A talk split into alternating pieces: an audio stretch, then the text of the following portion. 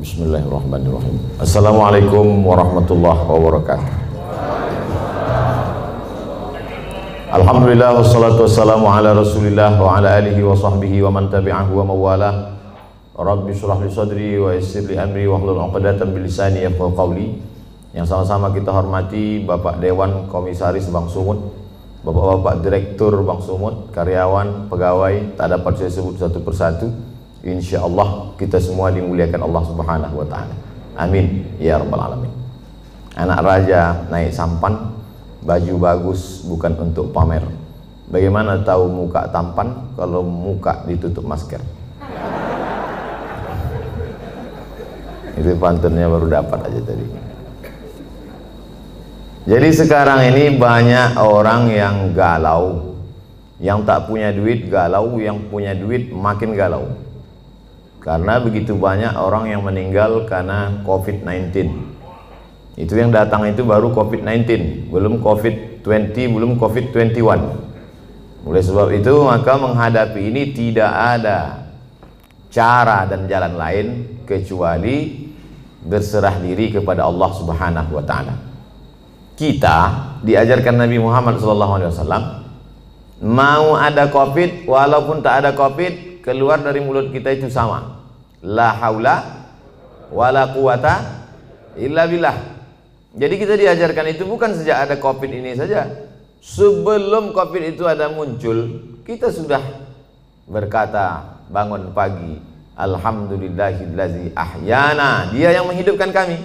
Wa amatana. Sebelumnya kami mati. Wa ilaihin nusyur. Dan kita pun akan kembali kepada dia ini menghadapi covid ini manusia ini terbagi dua. Eka dan Eki. Ekstrim kanan, ekstrim kiri.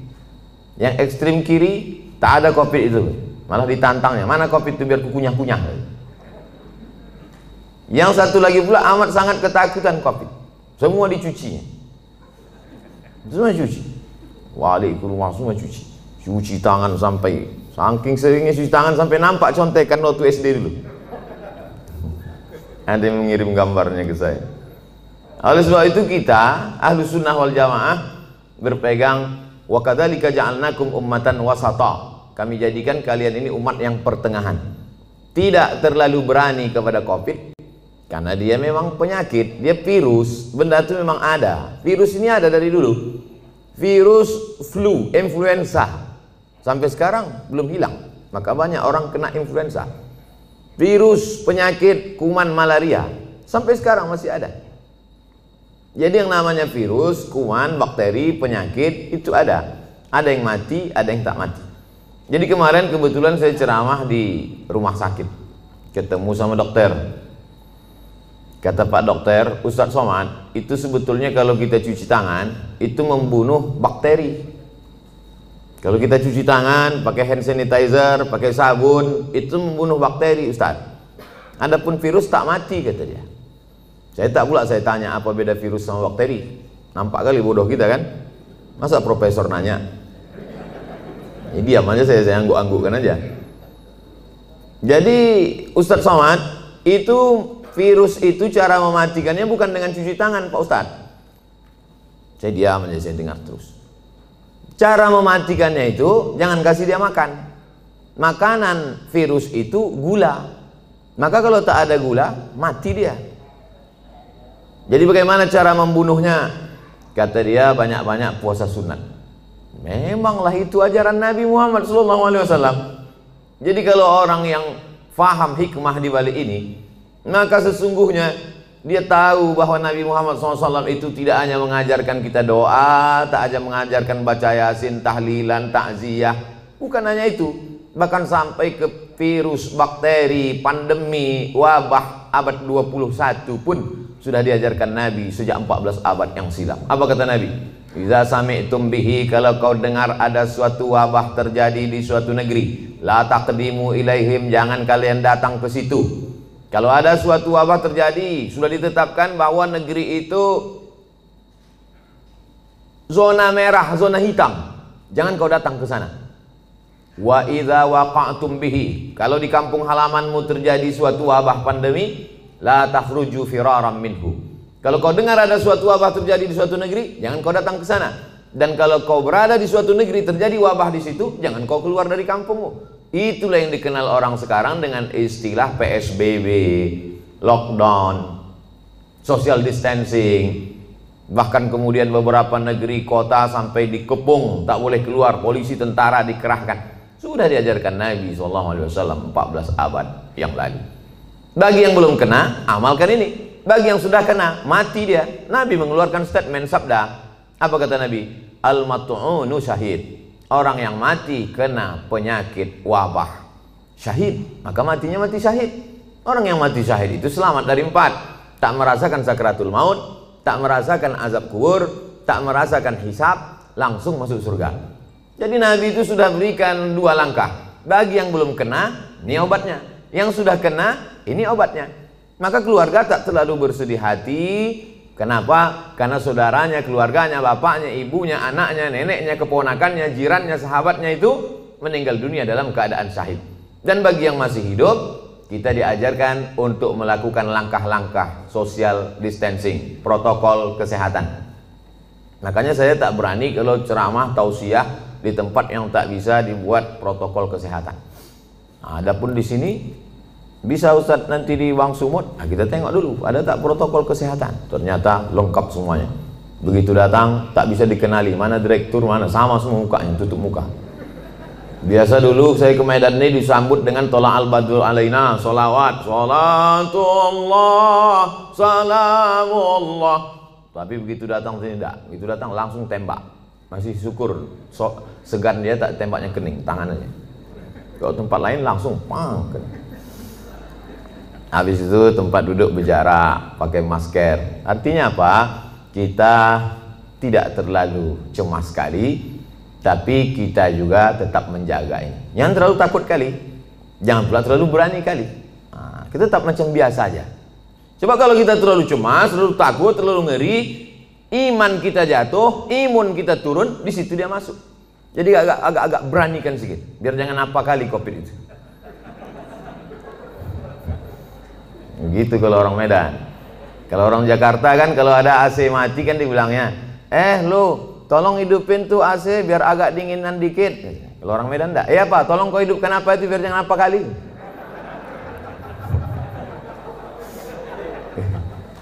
Bapak Ibu yang dimuliakan Allah Subhanahu wa taala.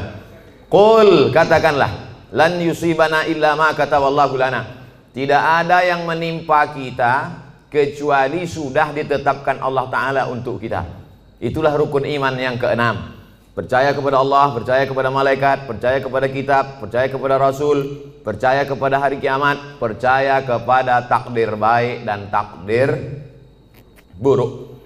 Akhbirni anil iman. Apa itu iman wahai Muhammad sallallahu alaihi wasallam? Antum minabillah wa malaikatihi wa kutubihi wa rusulihi wal yaumil akhir wa biqadri khairihi wa syarrihi percaya kepada takdir baik takdir buruk tapi nah ini masalah takdir ini kita mesti dalam menyikapi takdir kita ada al-kasbu wal ikhtiar. Ada usaha. Dengan penuh kesadaran kita tak pakai masker, tak social distancing, tidak suci tangan, tidak pakai hand sanitizer, itu bukan tawakal. Itu bodoh yang terlalu diperlihatkan. Kalau bodoh-bodoh sendiri aja jangan ngajak-ngajak orang. Oleh sebab itu maka kalau sudah kita berusaha kena juga, berarti itu takdir. Ada takdir, ada hukum sebab akibat. Pejamkan mata, tak usah tengok kanan kiri, nyebrang di jalan. Itu bukan takdir, sebab akibat. Tapi setelah kita berusaha tengok kanan, tengok kiri, tengok kanan, tengok kiri, menurut kita sudah aman, ditabrak juga. Tidak ada cara lain kecuali beriman kepada takdir baik dan takdir buruk. Itulah beda Jabariyah dengan ahlu sunnah. Jabariyah itu halul bid'ah, kelompok ahli bid'ah. Kenapa disebut bid'ah? Karena dia membuat-buat ajaran yang tidak diajarkan Nabi Muhammad SAW. Jabariyah artinya terpaksa. Kata dia hidup ini terpaksa, tak ada pilihan. Kenapa kau tak pakai masker? Aku terserah aja lah, mau mati matilah. Oh tak bisa begitu. Kita harus ada ikhtiar, harus ada usaha. Begitu juga dalam masalah mengambil rezeki, begitu juga dalam masalah menolak bala. Itu semua air minum yang di depan meja itu di depan kami, di depan saya tadi, itu memang sudah diperuntukkan untuk saya. Air minum itu untuk saya, kue kotak itu untuk saya. Tapi karena saya tak ada usaha untuk membuka dan meminumnya, maka saya tak bisa ke mulut saya. Walaupun sudah diuntukkan untuk saya. Itu tentang masalah menarik rezeki. Begitu juga dengan menolak bala. Kalau tidak ada usaha ikhtiar dari kita, bawa sepeda motor kerja, dikunci stangnya. Habis itu beli pula gembok, kunci ban depan. Habis itu rantainya digembok pula. Kemudian ban belakang itu ikatkan ke pohon pinang. Pas pulang sore, diambil pencuri itu sama pokok-pokok pinangnya sekalian. Maka itu takdir. Itu takdir namanya. Beriman kepada takdir baik, takdir buruk. Tapi orangnya cengengesan, lalu kemudian tak tentu arah, entah bagaimana ceritanya, otaknya tak fokus, mau berangkat ditinggalkannya kunci situ, naik dia ke atas, asik nelpon, iya betul, kiki kiki kiki tinggal kunci. Habis itu turun ke bawah, lapor sama security, Pak security, motor saya tinggal hilang. Gimana keadaannya? Tadi saya tinggalkan kunci. Ah mampuslah kau gitu dia. Kenapa? Berarti kurang usaha, tak ada ikhtiar. Itu yang diajarkan Nabi Muhammad SAW. Jadi ke suatu ketika seorang sahabat masuk ke dalam Masjid Nabawi. Ditanyanya Nabi, "Ya Rasulullah, itu ontaku di luar belum kutambatkan. Aqilu hawa atawakal am utliqu hawa atawakal?" Kulepaskan aja begitu baru aku tawakal atau kutambatkan dulu ke pokok kurma baru bertawakal. Kata Nabi, kau ikatkan dulu, kau tambatkan dulu baru kau bertawakal. Sebetulnya itu pikiran sederhana saja. Cuman sahabat ini mau ngetes, cemana sebetulnya ajaran Islam ini? Apakah perlu usaha atau tawakal saja? Kata Nabi, kau tambatkan dulu, kau ikatkan dulu, kau yakinkan dulu, dia tak lari. Setelah itu barulah kau tawakal kepada Allah. Begitu dalam masalah mencari rezeki, begitu juga dalam masalah menolak bala.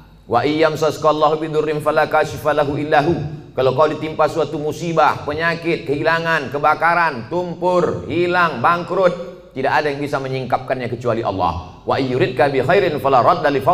Tapi kalau Allah mau ngasih kau rezeki, mau menaikkan jabatanmu, maka tak pula ada yang bisa menolaknya.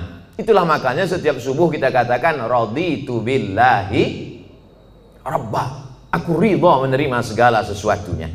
Hanya saja kadang orang kita ini salah pasang. Kalau ada terjadi sesuatu musibah terjadi dia katakan ikhlas ya, ikhlaskan aja. Sebetulnya yang tepat itu bukan ikhlas, ridho. Ridho menerima ketetapan Allah Subhanahu wa taala. Ridho itu bahasa kitanya apa? Ridho itu artinya plong, berlapang dada. Seperti ridhonya orang mati dimandikan oleh orang yang memandikan jenazah. Begitulah ridho kita kepada takdir ketetapan Allah. Sebagaimana orang mati dimandikan Ibu, bapak pernah menengok orang mati waktu dikorek hidungnya melawan dia? Yang kau cucu-cucu hidung gitu? Tak ada. Terserahlah, mau kalian cucu hidungku, telingaku, terserah. Makanya waktu kita masuk hidup ini baik-baik sama orang. Nanti balik dari sini cari di RT RW itu siapa yang mandikan jenazah, baik-baik sama dia. Kalau kita sombong-sombong sekarang, pas kita mati nanti disemprotnya pakai dorsmir. Apalagi Beng Sumut ada program santunan, asantunan santuni mereka memandikan jenazah, orang yang menguburkan, orang yang supir ambulan.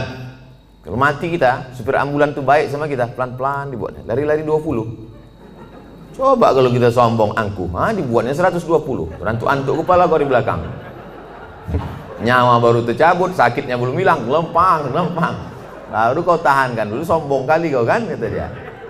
Oleh sebab itu maka ini semua adalah bagaimana kita menyikapi hidup. Hidup ini dari dulu sampai sekarang begini-gini aja. Dari sejak zaman Nabi Adam sampai Adam Smith, hidup ini begini-gini aja. Yang kaya sombong, yang punya jabatan sombong, orang miskin susah melarat, mau mati aja bawaannya. Jadi tinggal kita bagaimana menyikapi hidup. Dulu yang hidup di Medan ini datuk nenek moyang kita. Habis masa mereka datanglah masa ayah emak kita. Habis masa mereka sekarang masa kita. Ini sedang hijau-hijaunya ini. Ibarat baru bertunas hijau, berbatang, mekar, berputih, berbuah, kuning, layu, mati. Yang di hadapan saya ini hijau-hijau semua. Maskernya maksudnya. Sampai masanya kita akan menguning dan layu. Saya ini agak-agak kuning sedikit. Habis itu tak lama ini layu dan mati. Kemudian datang masa anak kita. Hidup ini singkat Bapak Ibu. Tapi kalau salah-salah kita menyikapi hidup, penyesalannya luar biasa. Takut mati, takut pensiun, takut tak ada duit, takut susah, takut tak ada kerja, pergi ke dukun. Pak dukun, tolong aku. dalam hati dukun tuh aku udah lama juga minta tolong sama hantu ini kata dia minta tolong lah sama dukun ilaha illallah muhammadur rasulullah tidak ada tempat minta tolong kepada kecuali hanya kepada dia itulah yang kita katakan 17 kali sehari semalam iya kana abudu wa iya kana stain iya hanya kepada kau saja aku minta tolong iya kana stain hanya kepada engkau aku beribadah kepada engkau saja aku minta segala pertolongan Makanya waktu subuh sebelum terbit matahari, sebelum masuk kantor, sebelum kerja, itu dulu yang ditanamkan dalam diri. Tidak ada tempat minta tolong kecuali dia. Makanya ayatnya diatur oleh Nabi. Ayatnya tak boleh ganti-ganti. Ayatnya mesti itu, tak boleh tukar-tukar. Kau beli subuh. Rokaan pertama kuliah, rokaan kedua hanya dia saja. Waladhalin amin. Qul huwallahu ahad. Esa, tunggal tak berbilang. Minta hanya kepada dia. Allahus. Jangan ragu-ragu ucapan. Allahus samad. Coba tengok terjemahannya. Allahus samad. Hanya dia saja tempat bergantung. Jangan bergantung kepada kawan. Hari ini kawan, besok berubah menjadi lawan. Jangan bergantung dengan atasan. Besok masanya berganti atasan, berubah dengan yang lain. Jangan bergantung dengan siapa pun. Ibu jangan terlalu bergantung dengan bapak. Nanti bapak itu kawin lagi, ibu stres. provokator Ustaz ini. Enggak. Aku cuman beban ini sama-sama berat. Tapi kalau kita siap dengan tak siap itu beda. Kita tak siap menerima beban ini, akhirnya kita down, jatuh. Ini ada semen. Kita tanya dulu beratnya berapa? Satu sak. Yakinkan bahwa satu sak itu 50 kilo. Sehingga ketika dia datang kita siap. Jangan kita tanya sama Ustaz, Ustaz, satu sak uh, zakat fitrah itu berapa? 3 kilo itu satu sok disangkanya tiga kilo pas ditimpa tumbang jatuh mati ya kalau mati langsung kok setengah mati stroke enam bulan berkulit-kulit mata tak mati-mati datang Ustaz Somad suruh baca doa baca yasin tiga kali Alhamdulillah Pak Ustaz udah mati Lalu soal itu Bapak Ibu yang dimuliakan Allah semua kita ini mati tak ada yang tak mati Michael Jackson berapa duitnya mau menyogok Tuhan supaya tak mati tak bisa Dibuatkannya sudah satu kapsul supaya dia masuk ke dalam, supaya malaikat maut tak masuk ke dalam. Sudah disebutkan Allah dalam Quran. Aina ma takunu yudrikumul maut. Di mana pun kau berada, kematian akan datang menjumpai kamu. Bukan kita mencari mati itu. Mati itu datang menjumpai kita. Coba tengok bunyi ayatnya. Yudrikumul maut. Mati itu datang menjumpai kamu. Jadi kalau ada orang hari ini petantang-petantang, mana mati itu? Sini, sini. Sabar aja kau. Kalau memang udah datang nanti tak usah kau panggil datang juga dia. Yudrikumul mautu, kematian datang menjumpai kamu walau kuntum fi burujim walaupun kau berada di tempat peti yang kokoh. Karena dulu orang kafir musyrik jahiliyah itu di pakunya kota masuk dia ke dalam. Ditanya sama kawannya, "Kenapa kau dalam?" Mudah-mudahan malaikat maut tak bisa masuk ke sini. Aina matakunu di mana pun kau berada. Mati jangan dicari, Mati tak perlu kita cari, tapi kita bersiap apa yang akan kita bawa untuk mati menghadap Allah Subhanahu wa taala. Lan tamuta nafsun qabla an tastakmila rizqaha wa ajalaha. Orang tidak akan mati sebelum dua penuh. Rezekinya penuh, ajalnya penuh. Asal sudah penuh, jalan. Kita ini macam truk. Selama belum penuh, berhenti dia. Asal sudah penuh, jalan. Abdul Somad belum penuh lagi. Bapak-bapak di depan sama ibu ini pun nampaknya belum lagi penuh. Asal sudah penuh, Makanya wafat itu artinya penuh. Wafat artinya penuh. Ke mana si Anu? Udah penuh Pak Ustaz, udah jalan duluan. Nanti kalau nampak kawan macam-macam dia, tak sholat dia, tak zikir dia, tak sedekah dia, kasih tahu sama dia. Aku tengok kau udah agak-agak penuh ini.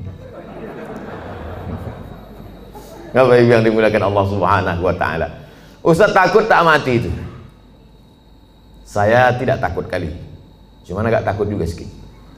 Semua hidup ini sudah saya rasakan disambut oleh orang-orang besar hebat-hebat sultan-sultan raja-raja udah menteri-menteri udah disambut pula sampai ke hutan belantara sampai tak ditegur orang sudah masuk saya ke dalam hutan-hutan satu pun tak ada menegur tak ada yang kenal jalan saya cuek aja dia bapak kata saya. Kata dia. Pernah. Macam-macam. Ceramah diundang orang pakai mobil mewah pernah. Ceramah diundang pakai mobil sayur pernah juga. Kalau pakai mobil mewah itu kita dijemput orang, kok buka kan kacanya. jalan ya begitu sebut pakai mobil sayur baru gini mati mesin.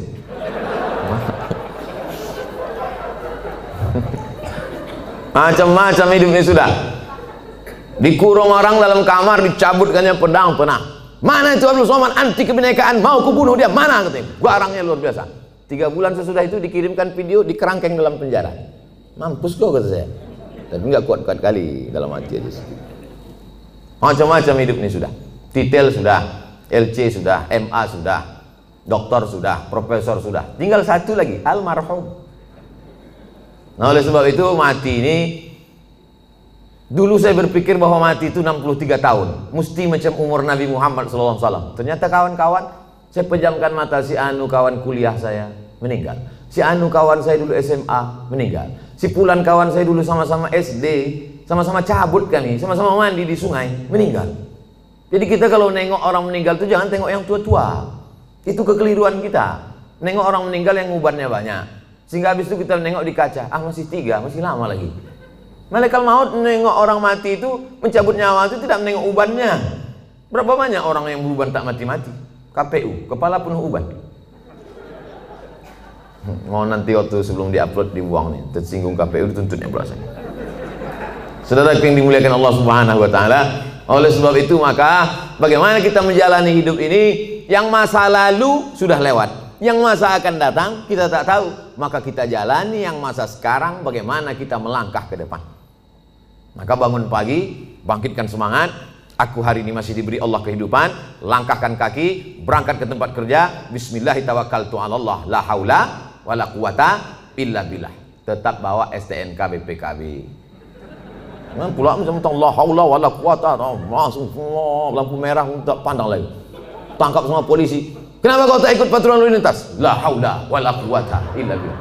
Bukan kau aja yang dengar pengajian Ustaz Somad, aku penonton juga kata Pak Polisi macam kau aja yang pengajian gitu oleh sebab itu maka setelah kita berangkat di tempat kerja itu serius kita. Kenapa? karena kita mencari rezeki yang halal untuk makan keluarga, anak, sekolah. Mudah-mudahan anak-anak kita ini menjadi anak yang soleh dan solihah. Berdoa dia tengah malam waktu kita mati. Bangun dia jam 2 malam tahajud di bentangnya saja. Ada apa kata dia? Rabbi firli wali walidayya warhamhuma kama rabbayani saghira. Mengalir ke makam kita macam tetesan embun di tengah gurun pasir yang panas. Lapang alam barzah kita. Terang kubur kita.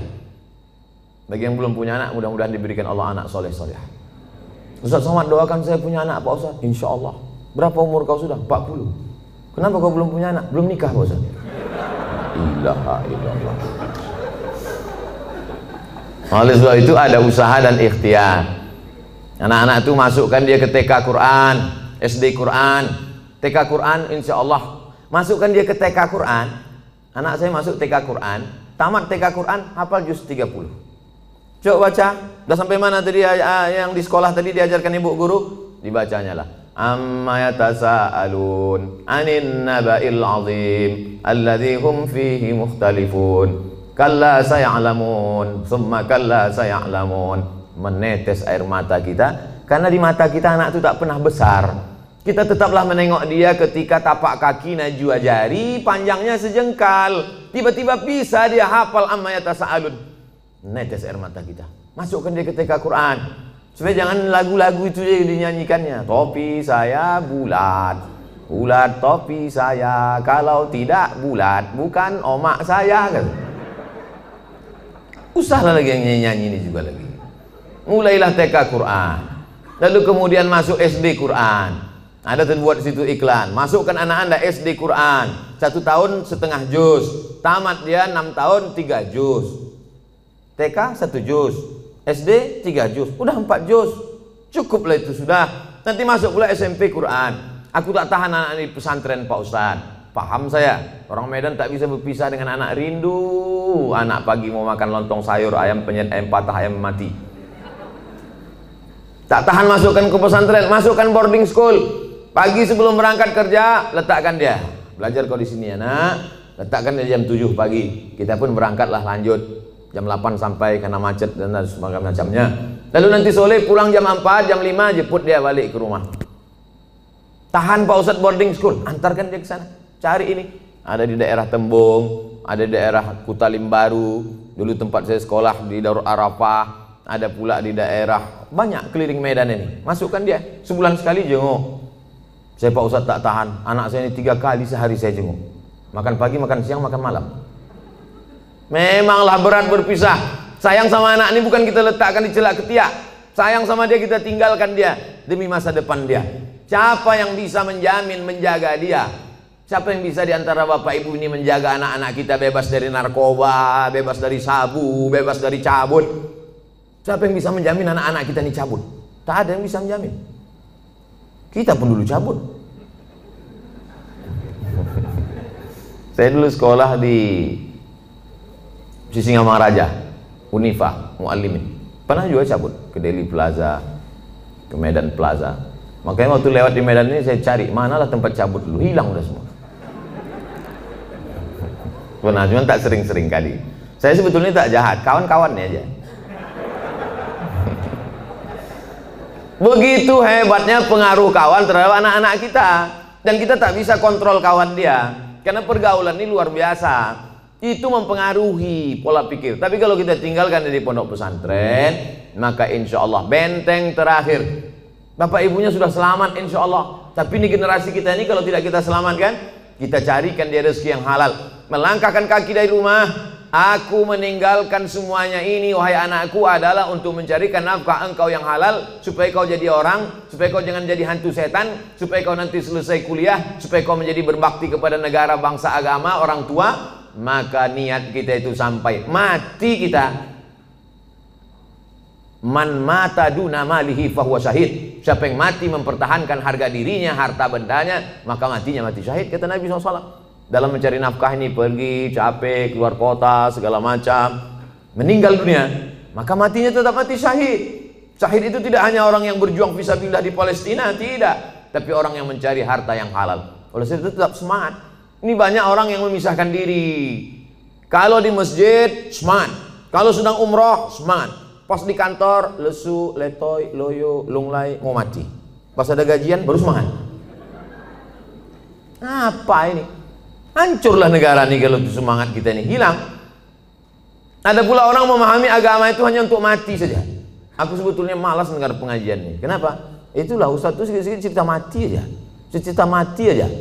Memanglah kita ini mau mati. Tapi pengajian itu adalah membuat kita bersemangat apa bekal yang akan kita bawa sebelum kita mati. Makanya yang kaya-kaya, yang hebat-hebat sebelum mati bangun masjid. Apa nama masjidnya? Ya terserah macam-macam nama masjid. Ada sebutnya masjid nama dia ada masjid itu dibuatnya Al-Ikhlas ada masjid At-Taqwa. Tadi subuh kami pengajian di masjid Jami'atut Taqwa. Tinggi hampir 2 meter. Kata panitia pembangunan masjid ini pak di bawah ini tanah. Enggak dicor semuanya. Entah berapa molen gitu dia. Hebat betul. Tak ada lagi tanah di Medan. Banyak betul duit orang Medan. Di mana-mana masjid pakai timbun tanah liat, tanah merah. Dia enggak pakai cor Artinya apa? Luar biasa kemampuan orang. Harus ada tekad dalam hati yang punya duit. Sebelum aku mati, aku bangun masjid. Tapi tak perlu pula kita buat di update status sebelum mati bangun masjid, like and share. Paling tidak kita dalam hati kita, tekad kita. Tak sanggup saya bangun masjid Pak Ustaz. Saya ini tak bisa bangun masjid Pak Ustaz. Bangun rumah saya aja 3M. Wah, banyak kali duit kau. Tiga kali minjam Pak Ustaz. Kalau tak sanggup semua jangan tinggalkan semua. Datangi ketua pembangunan masjid. Aku tak sanggup pak kalau untuk bangun masjid. Tapi ngasih pintu kosen bisa. Ini ku kasihkan kipas angin. Ini aku kasihkan meja untuk pengajian ustadz. Ini ku kasihkan kursi khusus. Ini kursi pak untuk wakaf di masjid ini. Mantap kali kursinya. Ini kalau pas Ustadz Somad aja datang ke Medan. Ustadz lain jangan. Jangan begitu. Semua dipakaikan. Itulah yang akan kekal abadi. Ini kadang banyak orang ini mau numpuk-numpuk. Mobil, mobil, mobil, motor, motor, rumah segala macam. Pas mati habis tinggal semuanya. Hidup kita ini macam mimpi Bapak Ibu. Kata Sayyidina Ali An-Nasuniyam, manusia ini tidur semuanya. Bapak ini sedang tidur, ibu sedang tidur, semua kita ini sedang tidur. Kita baru terbangun itu ketika kita mati, barulah kita tersadar rupanya kita ini sedang dalam tidur panjang dan sedang mimpi lelap-lelapnya. Ada yang sedang mimpi jadi ustadz terkenal, ada yang sedang mimpi jadi pengacara, ada yang sedang mimpi jadi bankir, ada yang sedang mimpi macam-macam mimpinya. Ada yang sedang mimpi selingkuh. Setelah mati barulah kita tahu kenyataan. Oh, ternyata ini hidup hanya mimpi saja. Siapa yang paling mulia di antara kita nih kalau mati nanti menghadap Allah? Tak ada jaminan Ustaz Abdul Somad lebih mulia, tidak. Apakah Bapak Dewan Komisaris, Bapak Direktur lebih mulia? Belum tentu, belum jaminan. Tapi paling tidak mereka di dunia pernah mulia. Di akhirat mudah-mudahan mulia. Jangan sampai di akhirat tak mulia, di dunia sengsara. Nauzubillah. Makanya doa kita diajarkan Nabi, Rabbana atina fid dunya hasanah wa fil akhirati hasanah. Makanya waktu tawaf itu Rabbana atina fid dunya hasanah wa fil akhirati hasanah wa qina azabannar. Rabbana atina fid dunya hasanah. Ada pula bapak-bapak satu-satu lagi Rabbana atina fid dunya hasanah wa fil akhirati fatimah. Itu yang ngasih bimbingan manasik haji saya tahun 92 dari embarkasi Polonia Medan. Saya berangkat bulan Mei 1992 dari embarkasi Polonia Medan. Belum ada Kuala Namu lagi waktu itu. Lalu kemudian datanglah Ustadz, lupa saya nama Ustadznya ngasih manasik haji. Ah, yang cerita itu. Ada jamaah haji dari Medan kata dia berdoa di samping Ka'bah, Rabbana atina fid dunya hasanah wa fil akhirati Fatimah. Dipanggil sama Ustadz. Kenapa kau sebut Fatimah? Kalau ku sebut dua, dua kali Hasanah, marah Hasanah. Biniku yang kedua Fatimah. Itulah pentingnya kita paham apa yang kita doakan ini. Artinya semangat saja tak cukup. Kita mesti berdoa kepada Allah Subhanahu wa taala. Allah itu suka kita meminta kata Nabi sisa anak walaupun ketika selapmu sendalmu putus Pas mau masuk masjid, pakai sendal, putus dia, berdoa, "Ya Allah, putus sendalku ya Allah." Allah suka kali menengok kita mengadu kepada Allah. Minta sama Allah, meleleh air mata kita kepada Allah. Ini banyak sekarang orang tak mau lagi berdoa sombong. Assalamualaikum warahmatullahi Assalamualaikum warahmatullahi pulang. Assalamualaikum warahmatullahi wabarakatuh. Langsung buka HP. Tengok dari belakang macam kusuk berdoa. Pas depan Romi megang handphone. Kau kenapa tak berdoa? Alah yang lama aja belum kabul, ngapain tambah lagi? Ini orang astagfirullahaladzim. Oleh sebab itu saya tetap berdoa sebelum berangkat tadi kemari berwuduk dulu, bukan mau sholat, enggak. Sholat sudah jamak tadi jamak takdim, zuhur dengan asar, ditarik asar ke zuhur. Tapi saya akan menghadapi hamba-hamba Allah. Ya Allah, yang mau kuhadapi nanti hamba-hamba Allah semua. Yang saya hadapi ini hamba Allah kan? Ada juga hamba setan sekarang. Menyembah nyi blorong, nyi loro kidul. Menyembah hantu tuyul. Menyembah begu ganjang yang kita sembah ini Allah. Ya Allah yang mau kuhadapi ini hamba engkau ya Allah. Bajunya aja macam-macam. Ada bajunya komisaris, ada bajunya direktur, ada bajunya security, ada bajunya pegawai, ada bajunya office boy, ada bajunya karyawan. Bajunya aja beda, isinya sama. Semua ini isinya sama. Kalau dibelah keluar keluar urat, keluar darah. Ada di antara nih kita nih kalau dibelah keluar kabel. Mana ada. Sempat ada di sini dibelah keluar kabel dua kemungkinan. Kalau tak Robocop Transformer. Tidak ada. Selama masih ada kulit, ada darah, ada daging, berdetak jantung, berarti jantungnya. Semua kita nih casingnya aja macam-macam. Jantungnya sama. Makanya saya kadang dikritik jamaah Ustaz ceramah bajunya itu-itu terus. Pakailah baju lain. Aku saya pakai baju. Batik dari mana tuh Pak Ustad? Batik Tapanuli Selatan. Mereknya Pak Ustad Casio, dikasih orang. Saudara yang dimuliakan Allah Subhanahu wa taala. Baju kita aja, casing kita aja yang beda. Isinya di dalam sama, tetap jantung tuh yang berdegup, yang berdetak. Berdegup, berdetak. Begitu kalau orang kerja di bank. Kalau orang utang nasabah baru agak kencang sedikit.